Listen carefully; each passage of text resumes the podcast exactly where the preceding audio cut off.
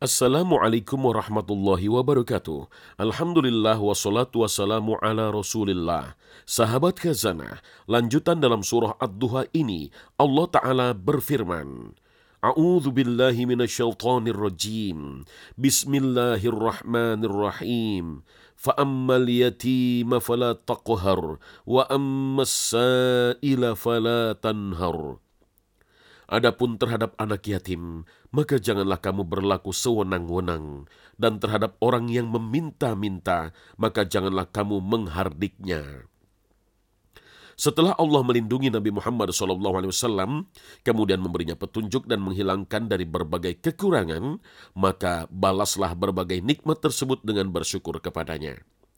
Oleh karena itu, terhadap anak yatim janganlah bertindak kasar dan menyakitinya Anak yatim itu dimuliakan dan diberi apa yang memudahkan mereka. Hendaklah kita lakukan sebagaimana kita senang jika anak-anak kita diperlakukan seperti itu pula.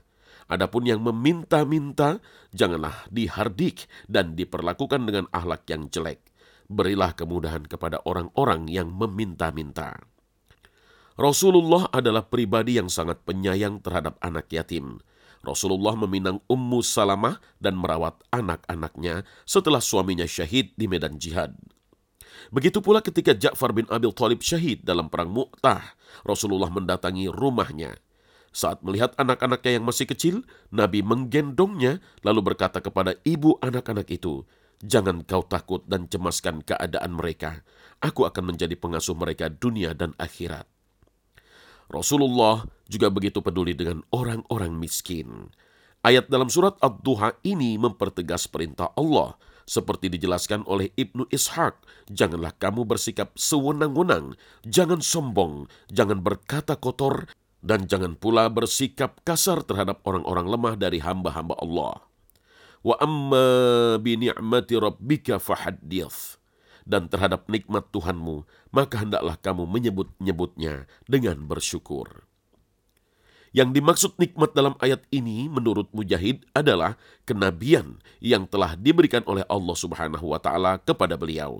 Dalam riwayat yang lain nikmat yang dimaksud adalah Al-Qur'an. Allah Subhanahu wa taala akan senantiasa membela nabinya, memenangkan agamanya di atas musuh-musuhnya, senantiasa membimbingnya hingga beliau wafat.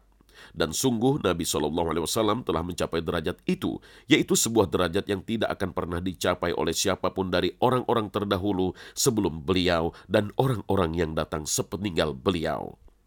Faedah dalam surat Ad-Duha ini, kita diperintahkan untuk mengingat berbagai nikmat dan berbagai kesusahan, sehingga kita bisa terus bersyukur dan bersabar.